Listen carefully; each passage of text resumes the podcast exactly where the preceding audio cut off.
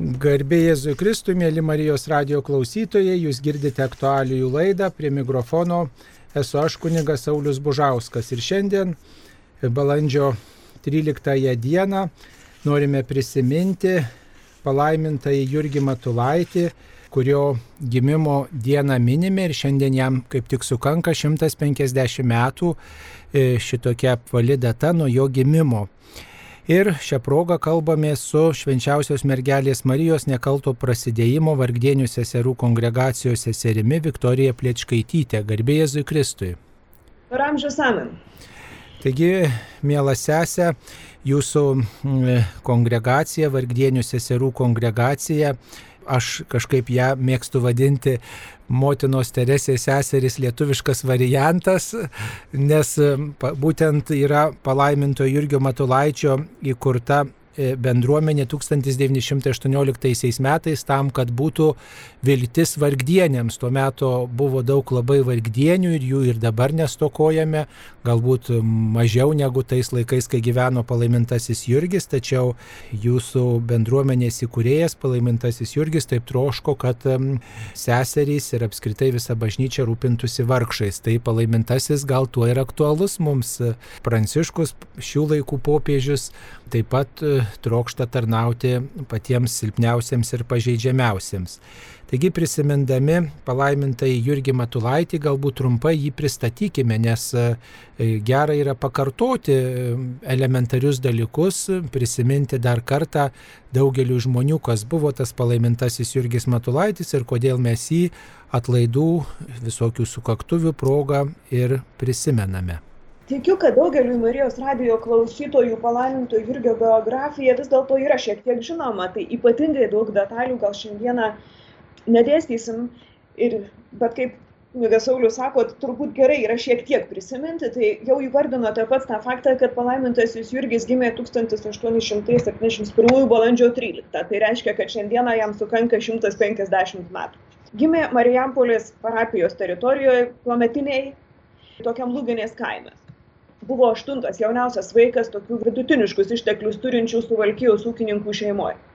Jeigu šiandien kas nors nuvyksta į Lūginę, į tą vietą, kur stovi palaimintojo Jurgio Matulaičio tėviškė sodyba, primenanti tą sodybos vietą, primenanti koplyčią, tai ta vieta, tas, ta aplinka labiausiai primena tokias dvi didelės tragiškas patirtis Jurgio Matulaičio vaiko ir paauglio gyvenime. Tai ankstyvą tėvų netekti, iš, iš tikrųjų dešimties metų būdamas liko visiškų našlaičių. Tačiau toliau gyveno savo tėviškiai brolio šeimoje. Ir paauglystėje ištikusią nepagydomą lygą - kaulų tuberkuliozę. Iš kitos pusės, ta vieta, ta aplinka ir tuo pačiu tas, tas gimtadienis tėvo Jurgio iš tikrųjų, ta, ta jo gyvenimo pradžia, tas, tas visiškai pirminis Dievo šaukimas tiesiog būti, gyventi, būti žmogumi, taip pat yra ir lemiamos Dievo gailestingumo patirties Jurgiui vieta čia labai gražu, kad iš tikrųjų tėvo Jurgio gimtadienis kartais netgi įpuola į gailestingumo savaitę. Šiemet yra vos vos po jos. Taigi, ta vat, vieta taip pat yra lūginė, lūginės kaimas, jo tėviškė yra tos pamatinės Dievo gailestingumo patirties vieta. Kodėl tą drįstu sakyti? Todėl, kad ten tuose lūginės laukuose, tėviškės laukuose jį visiško atsitiktinumo dėka surado jo būsimas globėjas, pusbrolis atvažiavęs iš Lenkijos, iš Kelsių, kur mokytojavo. Ten jis surado tą vaikinuką, kuris tuo metu, 18, beveik 19 metų vaikinuką, kuris tuo metu gyveno su tomis patirtimis, našlaičio ir tokio kaip ir nereikalingo vaiko, ligonio. Ir be to dar kaip ir nurašyto paauglio. Paauglio, kuris buvo gavęs visiškai tiesą ar ne visai tiesą žinę, bet vienaip ar kitaip, kad ateities tu neturi, nieko nebus.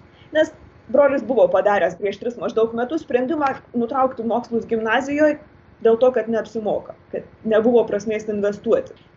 Va tokioje situacijoje tėva Jurgį arba tuo metu tiesiog Jurgį Matulaitį surado tos pusbrolius ir tokiu būdu atsivėrė išeitis. Per to pusbrolio kvietimą važiuoti ir bandyti mokytis ir gydytis toliau Lenkijoje atsivėrė išeitis iš visiškai bereikalingos tos situacijos. Tokios beviltiškos situacijos nereikalingo vaiko, lygoto, nurašyto paauglio, Ir va ta patirtis atrodo, kad tapo iš tikrųjų durimi visą tolimesnį tėvo Jurgio gyvenimą, į jo pašaukimą, į jo tarnystę, į jo santykį su Dievu galų gale.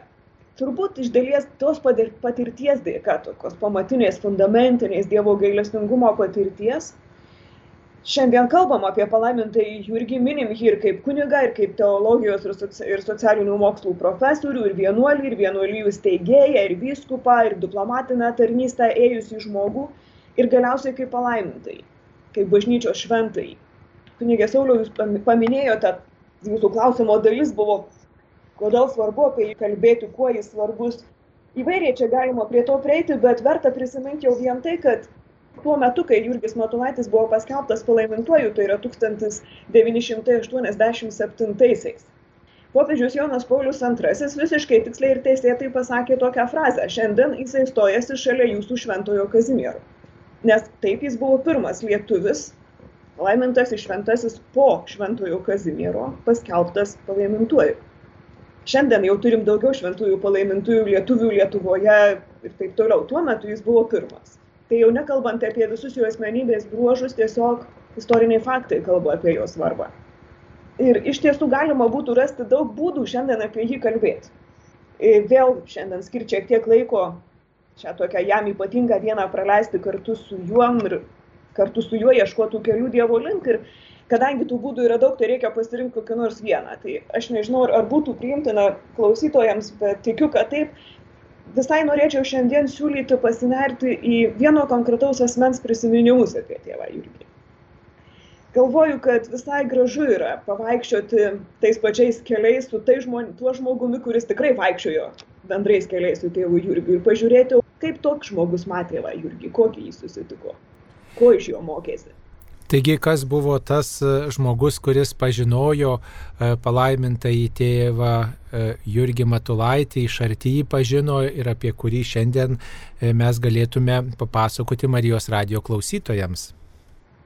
Galvojau, ką pasirinkti, bet galvojimas buvo neilgas, nes iš tiesų dar viena aktualija mane skatina mąstyti būtent taip. Visai prieš keletą dienų, galima sakyti, balandžio antrąją dieną, sukako 120 metų mūsų vienuolijos buvusiai ilgametiai vyriausiai vadovai, seseriai Uršuliai Marijai Teresai Novickaitai. Yra ypatinga asmenybė, iš tikrųjų be galo graži vidumi ir, ir išorė moteris ir buvusi be galo reikšminga mūsų vienuolijai, bet ne tik per vienuoliją ir taip pat ir Lietuvai. Ir taip jau nutiko, kad iš tikrųjų jinai yra vienas iš tų asmenų, kurie tam tikrais gyvenimo laikotarpiais tikrai vaikščiojo tais pačiais keliais kaip tėvas Jurgis, tais pačiais žemiškais keliais ir tais pačiais Dievo ieškojimo keliais. Įdomu yra tai, kad mūsų vienuolyjoje šita sesuo, šitą ilgametį virbovė šiandien yra švelniai, vadino, švelniai tebe vadinama močiute. Viena vertus taip yra todėl, kad aišku, sovietmečio pogrindžio sąlygomis ji negalėjo būti įvardyjama nei vardu, nei pavardę, nei pareigomis. Turėjo turėti slapyvardį ir jį turėjo. Tokia yra tiesa, tas slapyvardis buvo močiutė. Tačiau įdomu yra pagalvoti, kodėl būtent toks slapyvardis ir iš tikrųjų yra akivaizdu, kad iš tiesų yra taip yra todėl, taip pradėta vadinti šią seserį todėl, kad būtent ištisi jos gyvenimo kelio laikotarpiai ėjo greta vienuolijos teigėjo palaiminto Jurgio gyvenimo kelio ir kaip tik todėl jinai buvo, yra ir visada liks pirma ir pagrindinė tėvo Jurgio paveldo nešėja, liudytoja, puoselėtoja ir perdavėja mums jaunesniem kartom mūsų vienuolijoje, bet taip pat ir, ir drįstų sakyti Lietuvai, Lietuvos bažnyčiai jos atsiminimai, jos liūdėjimai apie susitikimus su tėvu Jurgiu yra tikrai be galo gyvi, gražus, prasmingi, gilūs, išmastyti, permastyti. Pats pirmas jo susitikimas su tėvu Jurgiu įvyko tais pačiais 1918, gimstant vienolyjei. Apie jį rašo taip. Su Dievo tarnu arkivyskupu Jurgiu Matulaičiu pirmą kartą susitikau 1918 rudenį Marijampolėje. Tuoj po pirmojo pasaulinio karo kai sugrįžusi iš Rusijos buvau laikinai apsistojusi pas savo brolį Marijoną kunigą Justiną. Tuo laiku atvyko į Marijampolę profesorius Jurgis Matulaitis. Man pasipasakojus broliui apie savo anksti, ankstyvesnį sumanimą pasirinkti vienuoliškai gyvenimą Petrograde, brolis patarė tuo reikalu pasitarti ir išsikalbėti su profesoriu Matulaičiu. Susirašiau iš ankstinius pašaukimo klausimus į popierių ir vieną dieną popierium nešina pasibeldžiau į profesoriaus kambarį Marijonų vienuolyną. Baiminausi, kaip čia reikėsia su dar nepažįstamu ir aukšto rango žmogumi kalbėti 17 metų gimnazistai. Mano nustebimui profesorius pats pasitiko mane pas savo kambario duris ir kaip seną pažįstamą, kaip savo artimą giminę pasisodino arti savęs ir patsai pirmas mane prakalbino, klausinėjo, aiškino. Lik tėvas ar motina, labai paprastai, labai artimai ir man prieinamai bei suprantamai profesorius kalbėjo apie pašaukimą. Rodos skaitė mano sielos vidų.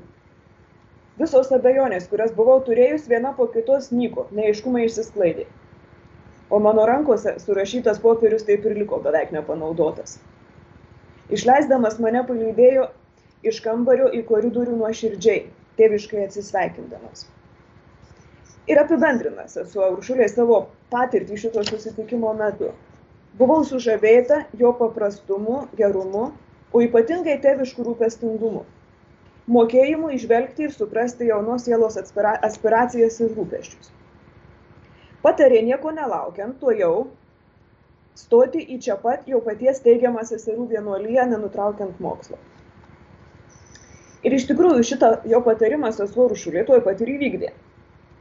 Kaip jin liudija pačioje savo vienuolinio gyvenimo pradžioje, neturėjau galimybių progų asmeniškai bendrauti su tėvu Jurgiu, tačiau dažnai jį matydavo ateinant į seserų namus ir vos po poros mėnesių drauge su visomis išgyveno staiga užklupusią netektį. Ji rašo taip. Kol profesorius Matulaitis gyveno Marijampolėje, besikūrenčiai mūsų šeimai jis pats vadovavo. Tačiau praėjus vos porai mėnesių profesorių Matulaitį šventos sostas paskyrė Vilniaus vyskupų. Šis taigmena mus labai sukrėtė vos tik pradėjome naują gyvenimo būdą, už tai visai netikėtai su savo vadu turėjome atsisveikinti ir atsiskirti nežinomam laikui. Tai buvo graudžios valandos tiek pačiam steigėjui, tiek mums. Jam išvykus į Vilnių, kongregacijos ryšiai su ekscelencija įsteigėjų betgi nenutrūko. Nors susitikimai žymiai surėtėjo. Vilnių nuo Lietuvos tada skiria demarkacijos linija. Reikėjo įvairių formalumų, leidimų vieniems pas kitus važinėti vis dėlto jo rūpinimąsi ir tada jautėme ir patirdavome ar laiškais, ar per kitus asmenis. Nuo to momento visą likusį laiką iki tėvo Jurgio iškeliavimo į amžinybę ir pati sesuo Uršulė ir visa mūsų vienuolyje jo globą rūpestį jau patyrė nebe, nebe kaip nuolatinį asmenišką lydėjimą, būtent laiškų forma įvairios trukmės susitikimų momentais, apsilankymais ir neilgais intensyvesnio mokymo ir ugdymo periodais. Sesuo Uršulė liudija, kad pirmas toks susitikimas iš tiesų įvyko po dviejų metų, 1920-aisiais. Vilnių trumpą laiką valdė lietuviai. Tuomet profesorius Matulaitis, jau Vilnius vyskupas, apsilankė Marijampolėje. Vizitavo Marijonų vienuolyną, aplankė ir mus. Tai buvo trumpi, bet labai reikalingi ir naudingi susitikimai visoms seserims bendrai, o ir kiekvienai paskirai, asmeniškai. Įdomu, šitą asmeniškumo aspektą sesuo Uršulė kartuos labai dažnai. Ir jau čia pat irgi šitoje savo atsiminimų vietoje tuo prideda liūdėjimą apie savo asmeninį susitikimą ir asmeninę patirtį, va tuo momentu, tame apsilankime tėvo Jurgio. Jin sako, tada jau buvau padariusi pirmosius įžadus bet dar lankiau paskutinę gimnazijos klasę. Visas pareigas, pašaukimo, mokymosi ir pridedamasias pareigas vienuolyne buvo nelengva derinti mano nesubrendusiai ir menkai patirčiai. Įsteigėjo praktiški patarimai daug ką palengvino, įnešė aiškumą. Ir iš tiesų, kaip jau sakiau, va ta iliuzija į asmeninį dėmesį kartosis ir kartosis. Štai iš to paties laikotarpio tėvui Jurgiui esant Vilniuje. Ir pati mūsų vyr vadovė, nežiūrint susisiekimo sunkumų, nekartą aplankė įsteigėją Vilniuje. Kiekvienu tokiu atveju įsteigėjas teiraudavosi apie mūsų dvasinį ir materialinį augimą, rūpinosi visą mūsų šeiminėlę ir kiekvieną atskirai. Ir galiausiai, kas jau tikrai netikėta, labai panašia gaida prasideda ir daug vėlesnio laiko. Pirmojo susitikimo su tėvu Jurgiu jau arkivyskupų prisiminimai dvidešimt penktais kai šventasis tėvas jo ekscelencija vyskupą jurgį jam pačiam prašant atleido nuo vilniaus vyskupo pareigų Jo ekscelencija tėvelis, įsteigėjas, iš Romos į Lietuvą parvyko švento tėvo skirtas vizitatoriumi mūsų kraštui. Jau nebe kaip Vilniaus vyskupas, o kaip titularinis Adulijos arkivyskupas. Būdamas Marijampolėje, aplankė ir mūsų lauktuvėmis. Kiekvieną pradžiugino. Tai rožantėliu, tai medalijonu su švento tėvo atvaizdu, tai kuriuo kitų suvenyrų. Man pasivadinusiai per įžadų šventosios kūdikėlio Jėzaus Teresės vardu teko švento kūdikėlio Jėzaus Teresės relikvijos. Savo ir visų bendrą patirtį sesuo Uršulė apibendrina taip. Stebino tėvelių įsteigėjų dėmesingumas. Kaip jis mokėjo kiekvieną mūsų atsiminti, kiekvieną pataikyti ir pritaikyti dovanas. Kaip tik šituo metu tėvas Jurgis vėl šiek tiek ilgiau pasiliko Marijampolėje ir vėl prasidėjo sistemingos seserų ugdymo ir vienuolijos puoselėjimo laikotarpis. Tai duoda mums galimybę iš sesers uršulės atsiminimų pažinti tėvą Jurgį kaip ugdytoją ir formatorių. Man tas paveikslas tikrai nuostabus. Pažiūrėkim kartu. Visų pirma, reikia truputį žinoti situaciją. Jurgis Matulaitis mūsų vienuolyje steigdama, žinoma, parašė vienuolyjei, naujai kongregacijai, naują konstituciją, įstatus visiškai pagal to meto kanonų teisę, pagal bažnyčios reikalavimus, bet vis dėlto tai nebuvo visiškai įprastas aniems laikams vienuolinis gyvenimas. Šiek tiek novatoriškumo tėvas Jurgis įnešė. Šiek tiek kitaip priejo prie šito klausimo sprendimo ir beje, kunigė Sauliau, kai pradžioje paminėjai, kad tėvas Jurgis mūsų vienuolyje staigiai atliepdamas į varging, vargingųjų poreikį tuo metu, į tai, kad reikėjo kažką pašaukti kažką, kas tarnautų vargingiesiems, tai yra visiškai tiesa. Bet buvo ir kitas poreikis, kurį tėvas Jurgis matė ir į kurį atliepė, tai yra vienuolinio gyvenimo poreikis Lietuvoje po caro priespaudos, ypatingai moterų vienuolinio gyvenimo. Bendruomenės, vienuolijos, kur lietuvaitės galėtų lietuviškai gyventi gyvenimą su Dievu, maldos gyvenimą, dvasinį gyvenimą. Ir mūsų vienuolyje patapo pirmąją vienuolyje įkurtą Lietuvoje čia vėl tėvo Jurgio vienas vat, iš tų, kuo jis svarbus, kuo jis pirmas, kuo jis kitoks, kodėl jis minėtinas. Taigi, situacija buvo tokia, kad mokyti tikrai buvo ko. Aiškinti tikrai buvo ką, nes nebuvo savaime aišku. Tas vienuolinis gyvenimas, į kurį tėvas Jurgis pašaukė šitą pirmąją grupę jaunų moterų ir merginų, jaunų seserų, nebuvo visiškai tradicinis, nebuvo visiškas standartas. Taigi, jos tikrai turėjo progą jį patirti kaip mokytoja ir ugdytoja. Keli dalykai, kuriuos pastebi seselė Uršulė. Jis sako taip, daugelio dalykų mokydamas, jo ekscelencija įsteigėjas visų pirma stebėjo ir tyrė mūsų gyvenimo būdą, askezės kelia darbus bei mūsų santykius, tai kalbėdamasis su vadovybė, tai atskirai su kiekviena, tai aiškindamas kai kuriuos dalykus pamok, pamokose ar konferencijose, tai reikalui esančia pat panaudodamas netgi atgailos sakramentą. Vadinasi, pirmas jo būdas būti ugdytoju buvo stebėti ir tirti. Pažinti, matyti, stebėti. Kitas momentas. Skatinančiai veikia jo ekscelencijos įsteigėjo pamokymai ir nurodymai. Tai nebuvo kažkas primesta ar dirbtina. Tai buvo idealai ir principai, kuriais gyveno jis pats. Giregimas jojo pavyzdys, tauri asmenybė, buvo gyva ir akivaizdi išraiška to, ko jis mokė, ko siekė. Šitas jo pavyzdys palaimingai veikia mūsų gyvenimus. Šiek tiek toliau kitose atsiminimų vietose, tartum pakartodama, bet dar ryškiau išryškina sesuo Uršulio panašius dalykus. Visų pirma, jis sako taip, dvasinį gyvenimą jis aiškino labai suprantamai, pailustruodamas gyvenime matytais pavyzdžiais. Todėl dėstomąją medžiagą greitai pasisavindavome ir įsimindavome. Ir, kai jis kalbėdavo, jausdavai jo žodžių galę jėgą, kuri pagauna ir nebepaleidžia, kuri pasklinda ir veikia plačiai, giliai ir įtikinančiai. Jo pamokymai ir patarimai praktiški, toli siekiantys.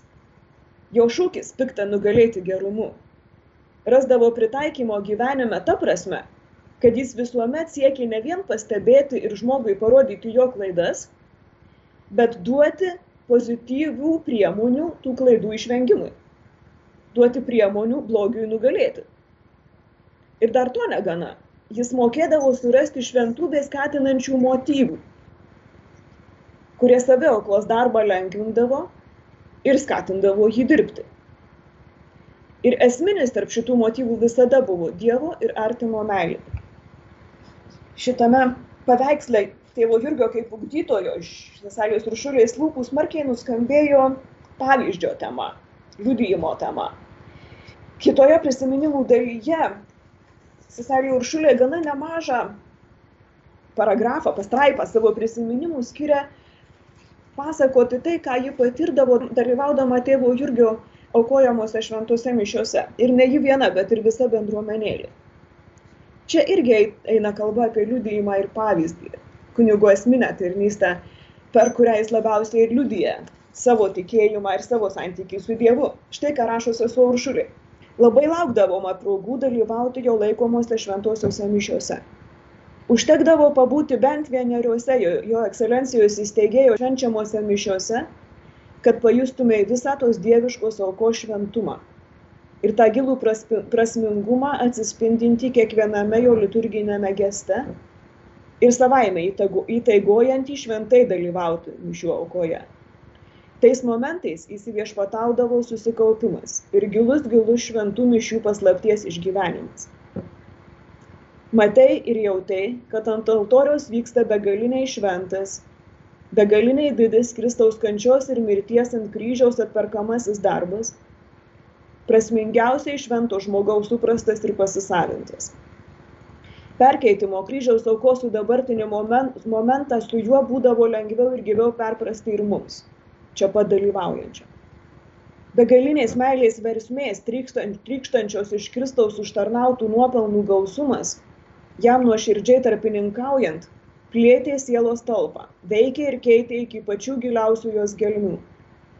Jausdavome didį dvasiaus pakilimą, savęs nuskaistinimą, atgimimą ir galingą ryštą vis karščiau pamilti viešpatį, vis uoliau jį sekti, vis nuoširdžiau dirbti ir aukotis, siekiant nurodytų tikslų. Šventoms mišiams pasibaigus įsteigėjas prie altoriaus ant jam paruoštos klaupkos suklupdavo adoraciją ir padėtį šiuo momentu dar kartą turėdavome progos kaip vaikai su savo mylimu tėvu kartu pabūti viešpaties akivaizdoje ir iki soties prisimelsti. Tie palaimingi momentai, rodos, būdavo tokie trumpi, aiškiai per trumpi, bet kokie jie pašventinantys, kokie išganingi. Išeidavai iš koplyčios dvasinta, nežemiškos traukos pagauta. Ir darydavosi vis aiškiau, vis suprantamiau iš kur tasai žmogus ėmėsi fiziniai suvargintam kūnui tiek jėgų, o dvasiai dangaus dovanų. Tai matot, labai gražiai sesuo apibūdina palaimintą į Jurgį Matulaitį ir jo žmogiškumą ir jo maldos gyvenimą, o ar neužfiksuota dienoraštyje galbūt kokių tokių aštresnių situacijų, kuriuose buvo atsidūrusi sesė Uršulė arba kitos seserys, arba galbūt pastebėjo kokį nors palaimintojo trūkumą, kažkokią įkyrę savybę, kokį bruožą, kuris daro tą šventai netokį tolimą ir netaip galbūt idealizuotų. Galvoju apie keletą epizodų ir dalykų iš Seselės Uršulės atsiminimų, net šiek tiek net abejoju, ką čia pirmo parinkti. Gal pakalbėkim ir pabandykim atrasti tuose mano atsispausdintuose jos prisiminimuose gabalėlį apie tokią tikrai labai sudėtingą situaciją vienuolijai ir ypatingai pačiai seseriai Uršuliai. Tai įvyko 26 metais jau per kitą tėvo Jurgio ilgesnį apsilankymą, kai gana netikėtai pačioms seserims tėvas Jurgis padarė e, esminius pertvarkymus vienuolijos administracijoje. Nuėmė nuo pareigų kažkada savo paties paskirtą pačią pirmąją vyriausiąją vadovę, su kuria ir pradėjo vienuolijos steigimą. Ir vyriausiosios vadovės tarnystėj paskyrė ne ką kitą kaip šitą pačią seselę e, Uršulę Mariją Teresą Novickaitę, kuri tuo metu tebe buvo visiškai jaunutė, 23 ar 4 metų amžiaus, išsigando šitų pareigų, suabejojo dėl savo tinkamumo joms, galų gale jautėsi nesaugiai, visa bendruomenė jautėsi nesaugiai dėl to, kas atsitiko, kad staiga tokie pakeitimai, tokie perversmai. Tikrai visas nustebino ir išgazdino žinoma labiausiai pačią seserį Uršulę ir jinai yra užrašiusi keletą momentų apie tas patirtis ir savo ir visų kartu. Viena vertus, jin kalba apie tai, kaip tėvas Jurgis gebėjo taip, visą tai padaryti. Štai kaip jin rašo, tuos pakeitimus visos pergyvenome. Jisai tą tai, tai, tai matė skaitė mūsų širdėse ir protose įvykių padarytus įbrėžimus ir susinarpliojimus. Bet jau vien savo buvimu, patardamas, nurodydamas, paguosdamas, galvosenos kryptį tai tiesindamas, veikė taip palaimingai ir įtikinančiai savo asmeniu bei žodžiu, taip įtaigojo, kad mūsų sunkumai mažėjo, dilo ateities keliai ryškėjo. Tai čia gražioji pusė, jo gebėjimas net ir tokias sudėtingas situacijas, netikėtas situacijas spręsti labai diplomatiškai, gražiai, išmintingai nuolat geba, gebant parodyti kitiems tikrąją prasme ir esmę dalykų. Tačiau, kai seselė Uršulė vis dėlto labai nerimo ir labai buvo išsigandusi ir, ir tikrai nesuprato, kaip čia prisimti dabar tą pareigų naštą, reikia žinot, kad tuo metu net amžinų žadų buvo nepadarius. Net ir, net ir juridiškai buvo keistas tėvo Jurgio sprendimas, jeigu jau kalbėtume apie tos tokius ekstravagantiškus momentus, sakykime, tai čia vienas iš jų ar pikantiškus, nežinau, kuriuo čia žodžiu jį pavadinti. Jis realiai darė tai, kas buvo keista ir, ir nenormalu savotiškai, bet būdamas teigėjas drįso taip elgtis. Žodžiu, kai sesuo Uršulė atėjo pas jį jau su visa šita savo rūpeščio našta ir, ir intensyvumu, jo atsakas buvo net savotiškai su humoru. Ji rašo taip, matydamas mane vis dar nenurimstančią, vis dar tebesisėlojančią guodį. Vaikeli, sakė tėvelis Jurgis, jei tave dievulius už ką nors kaltins ar bars, tai visą bėdą suverski man. Kitas momentas, kuris man prisimena iš visų šitų atsiminimų konteksto, yra tai, kad tikrai ne visada tai, seserys matė tėvą Jurgį vien tik tai besišypsantį, išvalų, laimingą, nežinau, kokiu žodžiu dar pavadinti. Atsiranda ir tokie apibūdinimai kaip pavargęs, susirūpinęs. Bent keletą kartų. Bet įdomu, kad turbūt jam taip rūpėjo pašvestasis gyvenimas ir buvo taip arti širdies būtent šita veiklos rytis, kad pasak seselės ir šulės jis tartum pailsėdavo ir, ir pradžiugdavo ir atsigaudavo seserų aplinkoje. Kas jį vargino ir slėgė, tai buvo jo kiti uždaviniai, ypatingai paskutiniu gyvenimo laikotarpiu, tai diplomatinėje tarnystėje kaip paštarinio vizitatoriaus, aišku, natūraliai prieš tai Vilniaus vyskupo, būtent iš tų tarnyščių jis grįždavo čia į Marijampolę susitikti su savaisiais, kaip jisai vadina, tai yra su Marijonais ir su mūsų sesėm. Man labai gražus ir tokie labai žmogiški ir truputį, kaip, kaip kunigės Sauliau pats sakai, netaip, netaip tolimai tėvą Jurgį rodantis, e, kitaip jį nušviečiantys šiek tiek yra seselės uršulės prisiminimai apie tėvų, apie to, to, to, tokie labai paprasti prisiminimai apie išorinę tokią, tartum, žmogiškąją, būtiškąją tų susitikimų pusę. Gražu, kad seserys na, žiūri taip objektyviai į palaimintąjį Jurgį Matulaitį, ne tik tai pastebi jo tokias šviesias pusės, bet ir nepraleidžia tų momentų, kai jam buvo sunku ir galbūt pastebi ir kur pačiam palaimintajam reikėjo aukti tikėjimo kelioniai ir kaip jis to augimo siekė ir ką tame augime išgyveno, tiesiog turbūt ir dalindavosi savo sunkumais, iššūkiais kažkiek su seserėmis, nes jam rūpėjo, taip kaip minėjote, pašvestasis gyvenimas.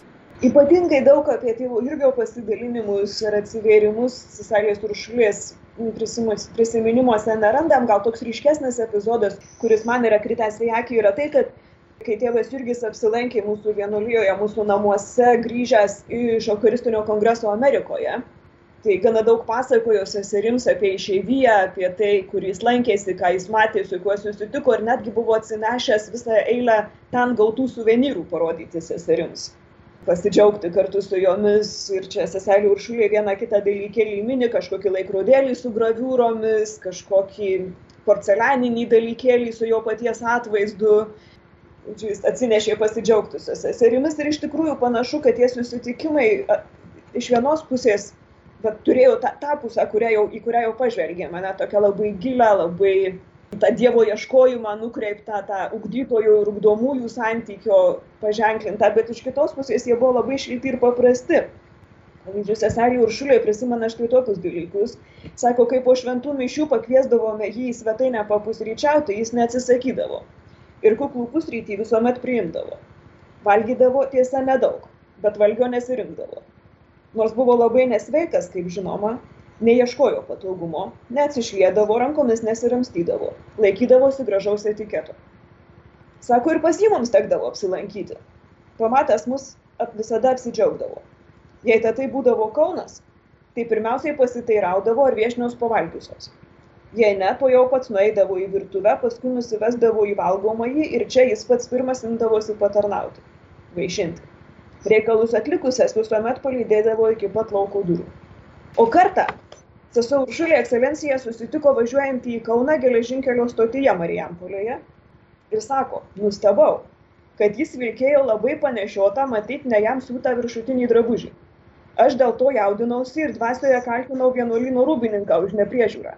Tėvelisgi buvo visai ramus, susikaupęs, o pamatęs mane pralinksmėjęs pasisveikino ir lyg niekur nieko kalbėjome, šnekučiavomės štai tokie paprastučiai atsiminimai labai, labai nesudėtingi, bet iš tiesų labai, labai šilti ir žmogiški. Be galo gražus ir įspūdingas yra, man asmeniškai, yra paskutinio susitikimo prisiminimas. Mes gerai žinom, kad palaimintų Jurgio Matulaičio mirtis iš tikrųjų buvo labai netikėta, nežiūrint, kad jis buvo ligonis visą gyvenimą, kad ištisai kovojo su kaulų džiova vis dėlto iškeliavo labai netikėtai. Viešpats jį pasišaukė iš paties darbų sukūrio bendryščių santykių reikalų tirštumo. Sesuo Uršulė pasakoja štai kaip. Paskutinis mano susitikimas su Dievo tarnu jo ekscelencija įsteigėjų įvyko kažkuria 27 metų sausio mėnesio pradžios dieną. Rodos po trijų karalių. Kai jo ekscelencija ruošėsi ilgesniam laikui palikti Marijampolę, išvykti į Kauną, o vėliau į Romą. Širdį tartum varstė nerimas vis giliau besisme, besismelkintis su kažkokiais neaiškiais nuogastavimais. Bet kadangi jo ekscelencija įsteigėjas vis dar buvo lengvai prieinamas, vis dar čia pat, stengiausi sukaupti dėmesį į savo naujų pareigų dydį, svorį, jų apimti, iš jų kylančius neiškumus, dar su juo pačiu pasitarti, pasiaiškinti. Ruoždamasis išvažiuoti, prieš paskutinį kartą ateidamas, paprašė, kad visą, kas reikia mūsų šeimoje naujai įvesti, ar ką seną pertvarkyti, surašyčiau, ir jam tą savo raštą įduočiau. Jisai žadėjo greitų laikų tuos reikalus apsvarstyti ir padaryti, kaip jam atrodys geriausiai. Aš jums viską, o viską padarysiu, ko tik jūs norėsite ar norite, sakė. Tai ir surašiau. Konstitucijos, apieigų perredagavimą, papročių surašymą, maldyno pertvarkymą ir kitką. Šitą mano projektinį raštą, kaip šiandien atsimenu, jo ekscelencija pasiėmė, įsidėjo į sutanos vidinę kišenę ir išsiskyrėme. Man, iš tiesų man yra be galo jautru ir gražu žinoti, kad su mūsų seserimis tėvas Jurgis realiai įsiskyrė va su tuo pažadu. Aš jums viską, viską padarysiu, ko tik jūs norėsite ar norite. Ir šiom dienom vis klaidydama tuos seselės uršulės prisiminimus galvojau, kad ir iš tiesų jau ne pirmą kartą skaitydama šitą momentą vis pagalvoju, kad iš tiesų tas tėvo Jurgio pažadas, ko gero, savotiškai pranašiškas buvo ir, ir jis jam pačiam tada turbūt dar nežinant vis dėlto buvo skirto, skirtos visai Lietuvai, bažnyčiai Lietuvoje, jo kaip būsimo palaimintojo užtarimo galimybės pramatymas, sakykime, ir aš manau, kad jis šiandien tą patį mums už dangaus sakytų, jūs man tik sakykit, surašykit, susakykit visus tuos savo poreikius, ką reikia padaryti, kas jums rūpi, kas jums skauda, kas reikalinga dėl ateities. Aš viską, viską dėl jūsų padarysiu, ką tik jūs norit, ko tik jums reikia be galo gražus iš tiesų jo, jo gali būti palinkėjimas mums jo gimtadienio proga. Nes mums jį sveikinti jau nebėra prasmės, kai jis jau yra gimęs dangui, bet, bet jis ko gero mus sveikinti nori ir gali. Ir priminti tai, kas yra tikra, kad šventųjų užtarimas ženklina Dievo visą galybę, įveda mus į tą Dievo visą galybės tikrumą ir Dieve taip jau yra, kad iš tikrųjų viskas yra įmanoma. Ir tai, ką sako Jurgis, aš viską, o viską padarysiu, yra, yra tikra yra galima, nežiūrint nieko. Mėly Marijos radio klausytojai, šioje laidoje pristatėme palaimintąjį Jurgį Matulaitį, nes šiandien balandžio 13-ąją prisimename, jog šiandien kaip tik sukanka 150 metų nuo palaimintojo Jurgio Matulaičio gimimo.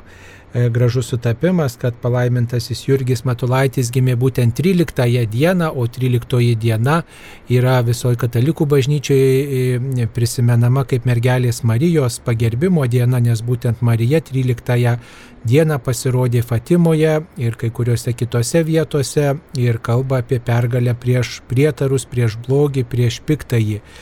Laimintasis Jurgis Matulaitis nepaprastai gerbė mergelę Mariją, ją mylėjo ir tarnavo Marijonų vienuolyjoje, ją atnaujino. Ir taip pat yra vargdienių seserų kongregacijos įkūrėjas, o Vargdienių seserų kongregacija būtent ir pavadinta švenčiausiosios mergelės Marijos nekalto prasidėjimo vardu. Šioje laidoje kaip tik šios kongregacijos sesuo Viktorija Plečkaitytė prisiminė palaiminto Jurgio Matulaičio amžininkę, sesę Mariją Teresę Uršulę Novickaitę, kuri įstojo į vienuolyje būtent prie palaimintojo Jurgio Matulaičio, buvo jo lydima ir apie savo įspūdžius, apie bendravimą su palaimintuoju parašė savo užrašuose, kurie išliko iki šios dienos. Beje, e, ši vienuolyje, mergelės Marijos nekaltojo prasidėjimo vargdienių seserų kongregacija nuo palaimintojo Jurgio Matulaičio įkūrimo dienos per visus sunkmečius gyvuoja ir iki šioliai. Tegul šio palaimintojo globa lydi mūsų gyvenimą ir tegul mūsų rūpeščiai e, sprendžiasi per palaimintojo Jurgio užtarimą, jo globą, kad jo pavyzdžio, jo maldos vedami galėtume Dievui ir žmonėms stropiai tarnauti. Sesė Viktorija Plečkaitytė šioje laidoje kalbino aš kunigas Saulis Bužauskas. Būkite palaiminti. Ačiū sudie.